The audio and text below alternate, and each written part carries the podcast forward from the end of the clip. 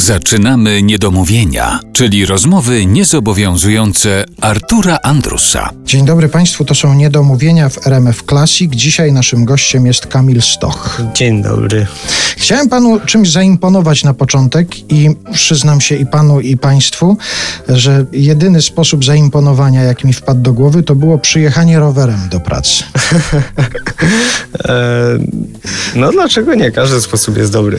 No więc ja sobie tak pomyślałem, że to będzie jakiś wyczyn sportowy. Dla mnie nie wykluczam, że to jest ostatnia moja aktywność sportowa w tym roku. Znaczy no zależy ile pan ma do pracy, bo jak pan ma 500 metrów, no to to średni wyczyn, ale jeżeli to jest e, już jakaś większa odległość, no to No jechałem 12 minut, to, to nie jest może jakiś duży ale zawsze to lepiej niż autobusem czy tramwajem, prawda? To już, to już coś. No to właśnie liczyłem na to, że mnie Pan pochwali. Gratulacje, tak, gratu- gratuluję, chwali się jak najbardziej. No i teraz sobie będę do CV wpisywał, że moje wyczyny sportowe chwalił, Zostały zauważone. tak, chwalił Kamil Stoch.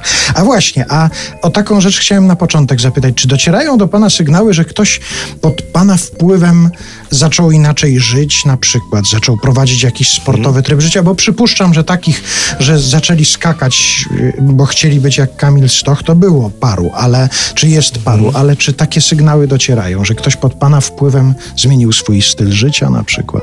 Owszem, bywają osoby, które piszą na przykład e, w listach. E, W ogóle otrzymujemy bardzo wiele listów. Ja bardzo lubię taką formę właśnie komunikacji. Zresztą też czasami powtarzam w wywiadach, że takie najlepsze listy zostawiam sobie zawsze na pamiątkę, a niektóre właśnie jeżdżą nawet ze mną na zawody.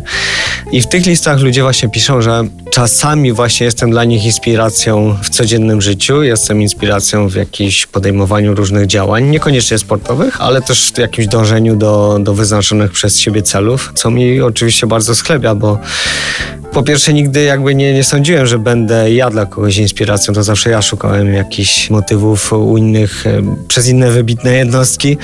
Szukałem czegoś, co mogę po prostu wziąć dla siebie, a, a tu okazuje się, że jednak niektórzy ludzie mogą, mogą czerpać ode mnie. A panu się zdarzyło kiedyś napisać jakiś list do jakiegoś idola?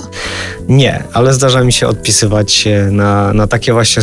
Jeżeli widzę, że ktoś się przyłożył, ale nie w takim, nie pod takim kątem, że po prostu przyłożył się, bo chciał, żebym mu odpisał, tylko jeżeli ktoś napisał naprawdę super list, który no, bardzo przyjemnie mi się czytało i który zawiera pewną jakąś historię, która mnie ujęła w pewien sposób i, i którą biorę ze sobą, tak jak wcześniej powiedziałem, e, na wyjazdy, to tak, zdarza mi się odpisywać na takie listy.